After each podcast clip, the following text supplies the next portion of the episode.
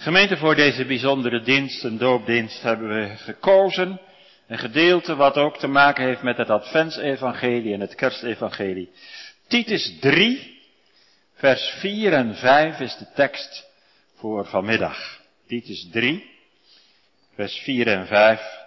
Maar, wanneer de goedertierenheid van God onze zaligmaker en zijn liefde tot de mensen verschenen is, heeft hij ons zalig gemaakt.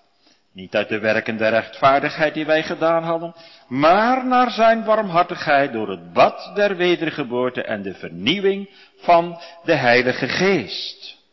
U ziet, het slaat op advent, kerst. Jezus is verschenen en op de heilige doop. Want het bad van de wedergeboorte is een uitdrukking die Paulus gebruikt voor de heilige doop. Het gaat over de zaligmakende genade van God. Twee aandachtspunten. In de eerste plaats, Gods liefde is in alle, aan alle mensen verschenen. In de tweede plaats, de Heilige Geest vernieuwt ons leven. Gemeente de apostel Paulus schrijft vanuit Rome een brief aan zijn broeder evangelist.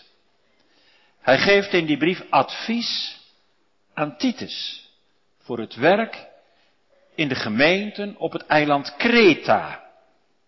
Paulus was daar samen met Titus geweest. Hij heeft daar het evangelie gepreekt, er zijn mensen tot bekering gekomen. En toen heeft hij Titus achtergelaten om voor die gemeente te zorgen. Het werk van de gemeenteopbouw. Dat was hard nodig, want op Kreta woonden ook Romeinse soldaten, waardoor een heidense invloed uitging op de jonge, kleine christelijke gemeente. Het hoofdthema van de Titusbrief is het goede nieuws van de verlossing door Jezus Christus. Niemand wordt gered omdat hij een keurig leven leidt. Het is juist andersom. We worden alleen gered door het geloof in de Heere Jezus. En daardoor verandert ons leven zo totaal dat we een nieuw, goed, met vallen en opstaan, leven gaan leiden. Je wordt dus niet gered door goed te doen, maar om goed te doen. Om heilig voor de Heer te leven. We lezen vers 4. Maar wanneer de goede tierenheid van onze God en zaligmaker en zijn liefde tot de mensen verschenen is. Maar, in tegenstelling tot het voorafgaande, het nieuwe leven waar Paulus over schrijft, staat tegenover het oude leven van vroeger. Toen ze het woord van God en de naam van de Heer Jezus nog nooit hadden gehoord. Daar schrijft Paulus over in vers 3. We hebben dat gelezen.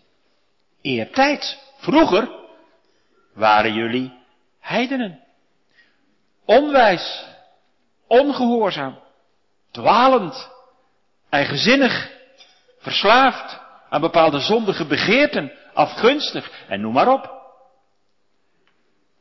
Die mensen leefden voor het hier en nu.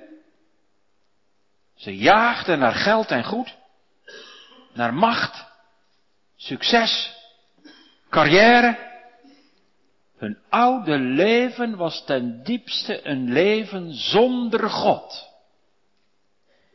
En daar is alles mee gezegd. Onvoorstelbaar toch, als je zo'n leven leidt. Zonder God. Maar wat is er toen gebeurd?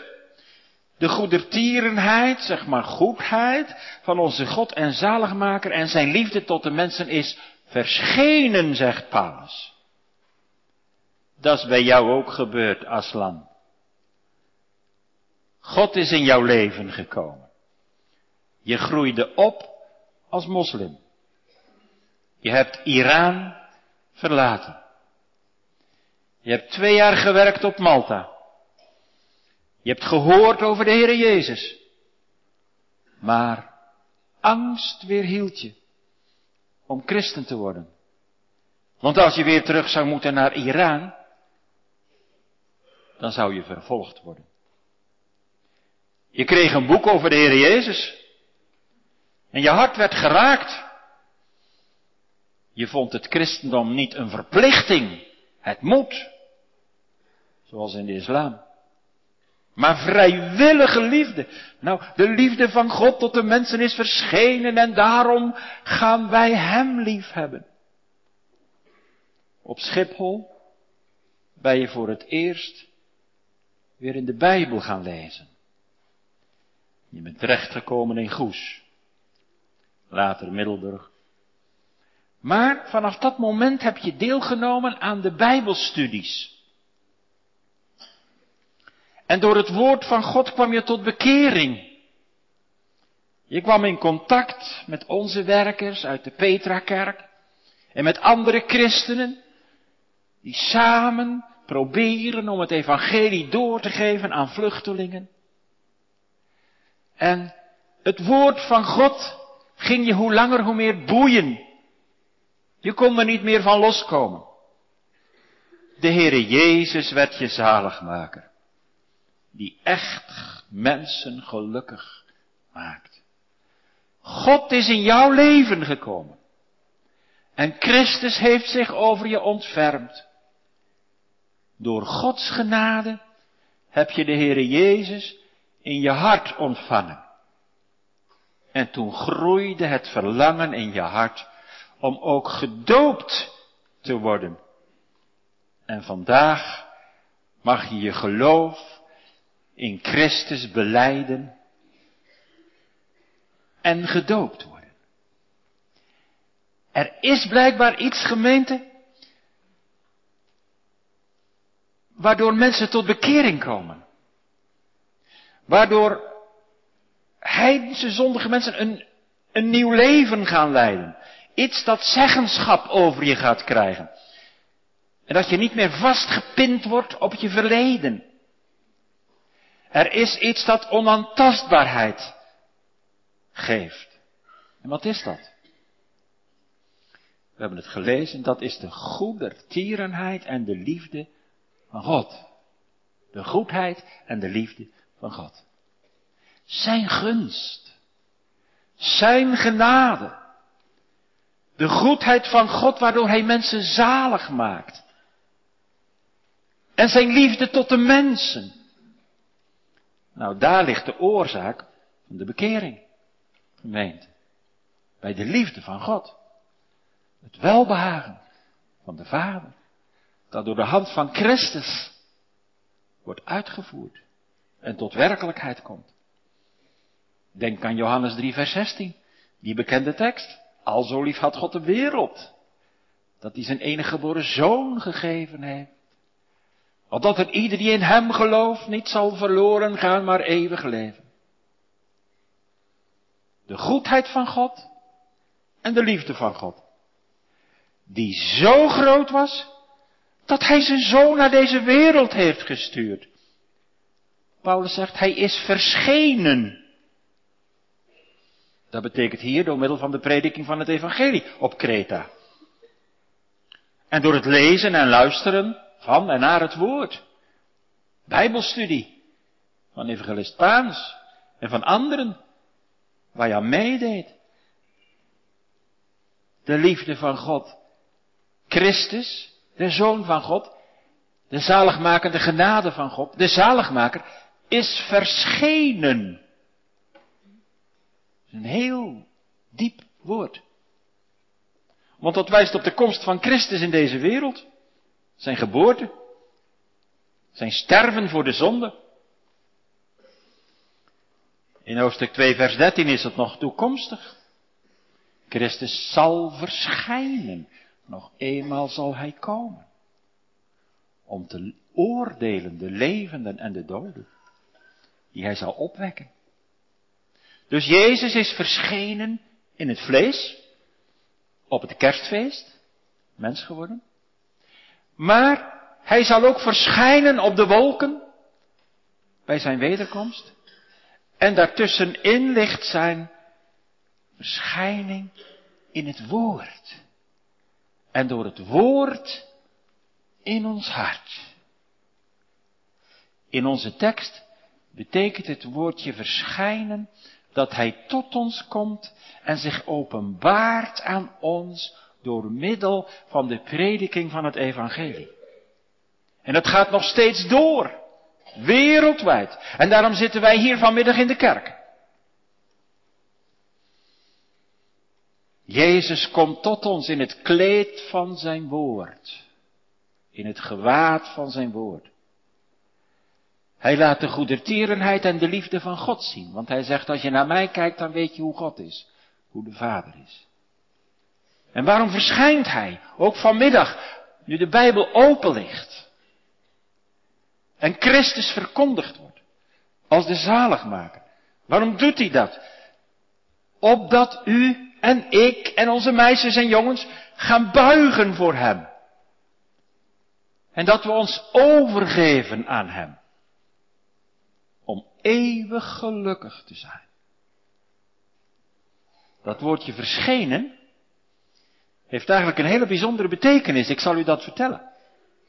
De lezers van deze brief op Kreta, waar Titus werkte, die begrepen direct wat Paulus bedoelde.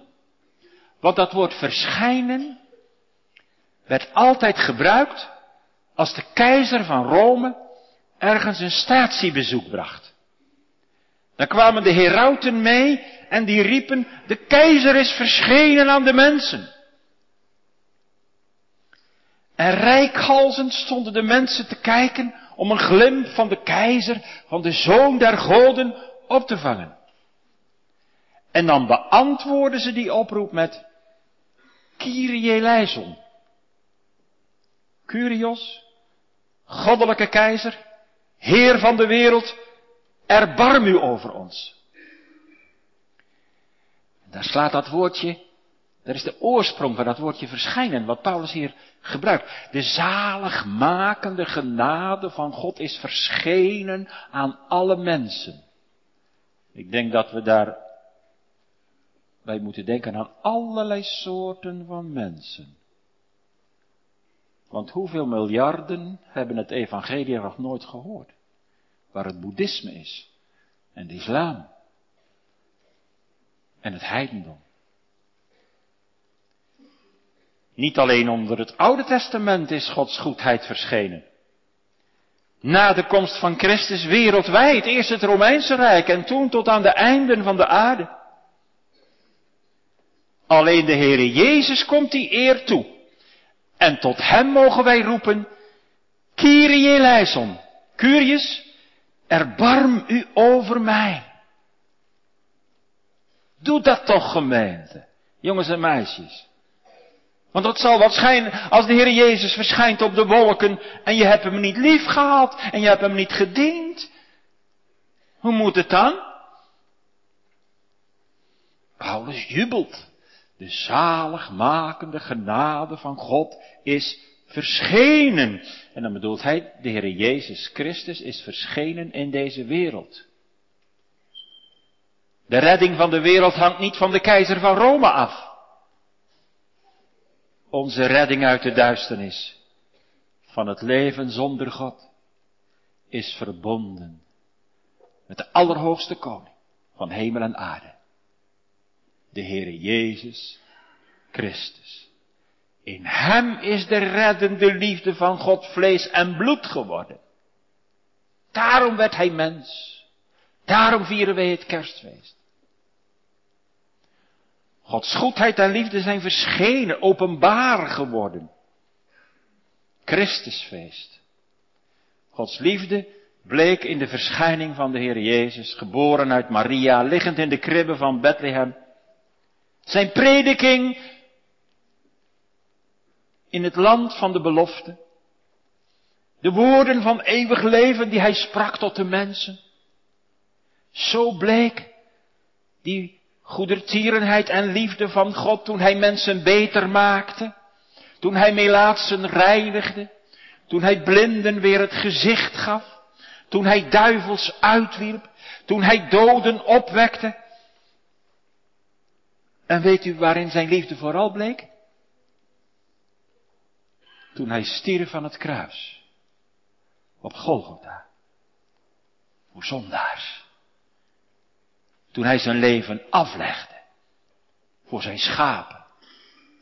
Toen hij opstond uit de dood met Pasen. In heel zijn vernedering en verhoging bleek zijn genade. Hij deed dat allemaal niet voor zichzelf. Dat deed hij voor ons. Om mensen te brengen tot de zaligheid, tot het ware geluk, tot de vrede met God, tot het eeuwige leven. En weet u wat nu in onze tekst ook zo duidelijk staat? Dat wij die zaligheid niet verdienen. Door onze goede werken of zo. Maar dat die zaligheid, dat geluk, wat je ten deel mag worden, als je God lief krijgt, dat dat voortkomt uit Gods barmhartigheid. Vers 5a. Hij heeft ons zalig gemaakt, niet uit de werken der rechtvaardigheid die wij gedaan hadden, maar uit zijn barmhartigheid. Zie, echt genade, 100% genade. Hij kwam om te redden. Dat was genade. Onverdiend. Geen resultaat van zelfontplooiing en inspanning van menselijke krachten en prestatie. Maar, zegt Paulus, naar, dat betekent in overeenstemming met Gods barmhartigheid. Genade alleen. Dat is het hart van het evangelie. En zo heeft Paulus, zo heeft hij, Christus, zegt Paulus, ons verlost van alle ongerechtigheid. Alles wat aan zondige daden en woorden en gedachten in ons leven indruist tegen de heilige wet van God. Met zijn dierbaar bloed heeft de Heer Jezus voor al onze zonden volkomen betaald. Denk aan de catechisme zondag 1. Losgekocht uit de macht van de duivel, schrijft Petrus. Wat een liefde van de Heere Jezus. Tot in de dood. En dat deed hij om zich een volk te reinigen, ijverig in goede werken. Hebben we gelezen. Hoort u daarbij? Doet u graag goede werken, gemeente? Jongens en meisjes? Doe je graag wat de Heere wil? En vecht je er ook tegen als er in je hart iets opkomt wat niet goed is? Dat weet je uit de Bijbel van je papa en mama. Want die goede werken die staan in het kader van de dankbaarheid. Zo mogen we beleven tot zijn eer. En dat is het doel van ons leven, van jouw leven, van, ook van de vluchtelingen die naar Nederland komen. Soms gewoon om lijfsbehoud. Dat is het doel van ons leven, door God geschapen. God maakt geen luie mensen. Hij wil dat we ijverig zijn in goede werken. Niet om iets te verdienen, dat niet. Dat heeft Jezus gedaan, maar om te dienen. Om te leven voor God. Genade is een vlam die brandt. En door een heilig christelijk leven mogen we laten zien dat we bij de Heer Jezus horen. Zo mag je een leesbare brief van Christus zijn. Aslan gaat straks beloven, in die vijfde doopvraag, dat hij zich van harte voorgenomen heeft om altijd christelijk te leven en de wereld en haar zondige begeerten te verlaten. Nou, dat bedoelt Paulus nu met de vernieuwing van je leven door de Heilige Geest. En dat is het tweede waar we op gaan letten. De Heilige Geest vernieuwt ons leven. Dat is een wonder. Dat staat in vers 5. Hij heeft ons gered naar zijn barmhartigheid. Door het bad van de wedergeboorte en de vernieuwing van de Heilige Geest. God vernieuwt ons leven. Dus ons oude leven deugt niet. Er moet een hele nieuwe mens komen. Ons levensprincipe moet veranderd worden. Die totale en radicale wending in het leven van een mens noemt de Bijbel wedergeboorte. Opnieuw geboren worden. Een nieuw hart krijgen. Dan word je opgewekt uit de geestelijke dood tot het geestelijke leven. Dan krijg je de Heere lief en ga je de Heere Jezus aannemen en word je een kind van God. En dan moet u eens kijken hoe Paulus dat noemt. Hij spreekt over het bad van de wedergeboorte. Dat is een uitdrukking voor de heilige doop. Het bad van de wedergeboorte. Jongens en meisjes, als je vuil thuis komt, dan moet je in bad. En dan moet je schoon gewassen worden. Nou, zo zegt God, we moeten in bad. Afgewassen, al onze zonden moeten afgewassen worden. En het bad van de wedergeboorte, dat is het doopwater. Dat is de heilige doop. Als de apostel de gemeente opwekt tot een heilige levenswandel, dan herinnert hij hen aan hun doop. Het moment dat ze gedoopt werden. Toen ze ondergingen in het water en omhoog kwamen. Als teken van het oude leven dat sterft en het nieuwe leven dat opstaat. Ik denk aan Romeinen 6. Ik weet dat Aslan daar ook lessen uit geleerd heeft. Romeinen 6. Wij dan met Christus begraven, wij zijn dan met Christus begraven door de doop in de dood. Opdat, zoals Christus is opgewekt tot heerlijkheid van de Vader, ook wij in een nieuw leven zouden wandelen, zouden leven. Een nieuw leven dat alleen maar mogelijk is door wedergeboorte. Door het bad van de wedergeboorte. Daar is de doop een teken van, een symbool, een plaatje, een illustratie. Je ziet het gebeuren. Op het zendingsveld heb ik zoveel mensen volwassen gedoopt. Ondergaan in het water en omhoog komen. Nu hebben wij hier geen badje. Dat zou kunnen hoor. Zo'n gewoon zo'n opblaasbad. Ik zou ervoor zijn, maar ik ga er geen uh, moeite van maken natuurlijk met de kerkenraad. Want in principe maakt het niet uit. Maar het beeld is mooi. En het water van de Schelde is nog wel erg koud nu. En hoe moet dat dan met zo'n dienst daar in donker? Dus vandaar de doopvond. Maar het beeld van de volwassen doop is ondergaan en opstaan. Sterven en levend worden. Opgewekt worden. De overgang van hun vroegere leven naar het nieuwe leven uit God is gemarkeerd door de doop. Teken en zegel van de inlijving in Christus en de gemeente van Christus. Dat maakte de doop voor de cretensen zo duidelijk zichtbaar. Als ze aan hun doop terugdachten, mochten ze opnieuw verzekerd zijn dat ze waren overgegaan uit de dood tot een nieuw leven. En onze doop wil ons aansporen tot een nieuw leven. Dat staat ook in de doopsformulier van de kinderdoop. Dat is de opdracht. God zegt, ik geef je mijn merk en veldteken, je bent van mij, je mag bij mij horen. Maar ik wil wel dat je in een nieuw godzalig leven gaat wandelen.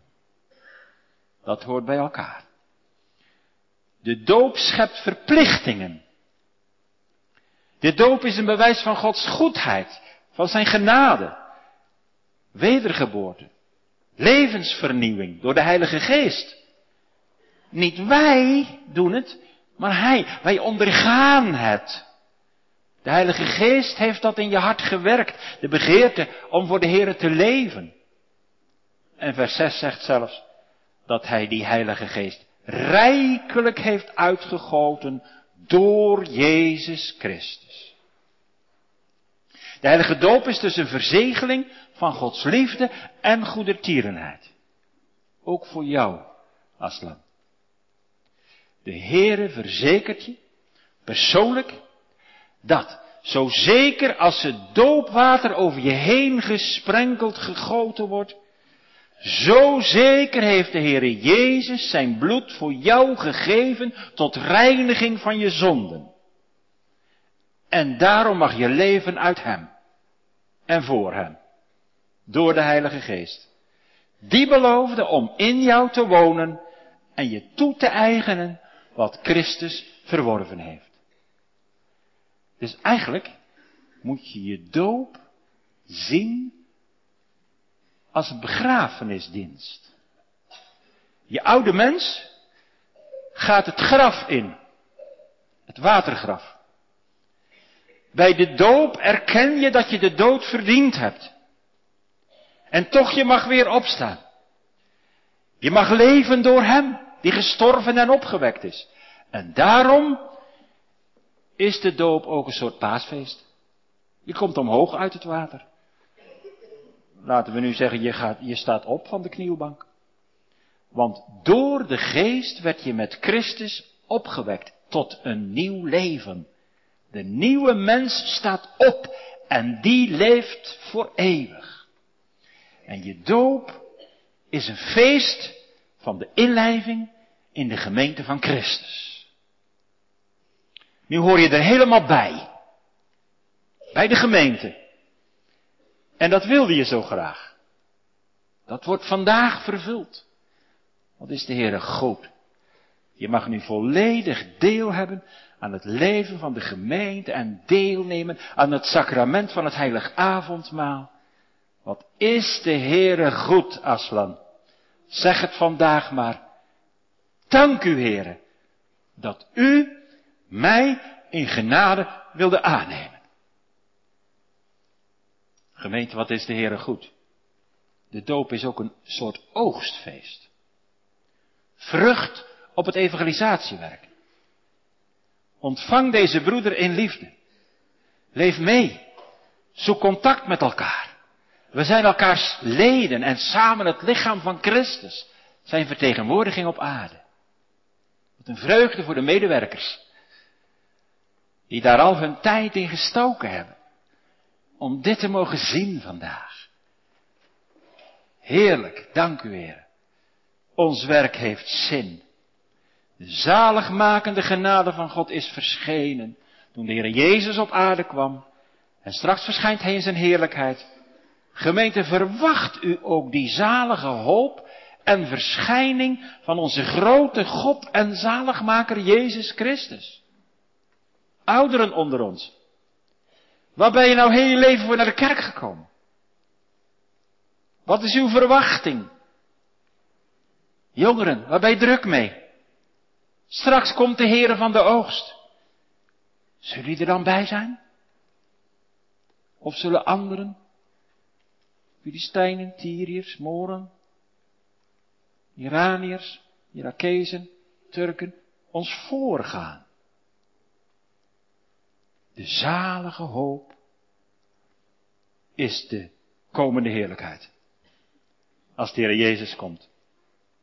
Dan zal de stralende luister van de Heer Jezus aan de dag treden. Christenen verbranden heel wat schepen achter hun rug. Zeker in moslimlanden. Wat dan het gevolg is. Dat je wordt uitgeworpen door je familie. Dat heb jij ook gedaan als land. Maar straks komt onze koning en zaligmaker. En die zal ons binnenbrengen in de feestzaal van de eeuwige heerlijkheid. Om God te mogen loven en dienen zonder pijn en zonder zonde. Geen traan van verdriet zal meer in je oog blinken, die wast hij allemaal af. Daar wordt geen christen meer gemarteld. Geen asielzoeker hoeft meer te vluchten vanwege zijn geloof. Onuitsprekelijk heerlijk zal dat zijn. Als Hij verschijnt. Gemeente, ziet u hem zo tegemoet? Is dat levend in je hart, die verwachting van Hem? Met kerst kwam hij op aarde. Op hemelvaartsdag verdween hij achter de wolken. Door zijn woord en geest laat hij zijn licht schijnen in de duisternis van ons hart. Hij verschijnt in het evangelie. Straks komt zijn koninkrijk volmaakt.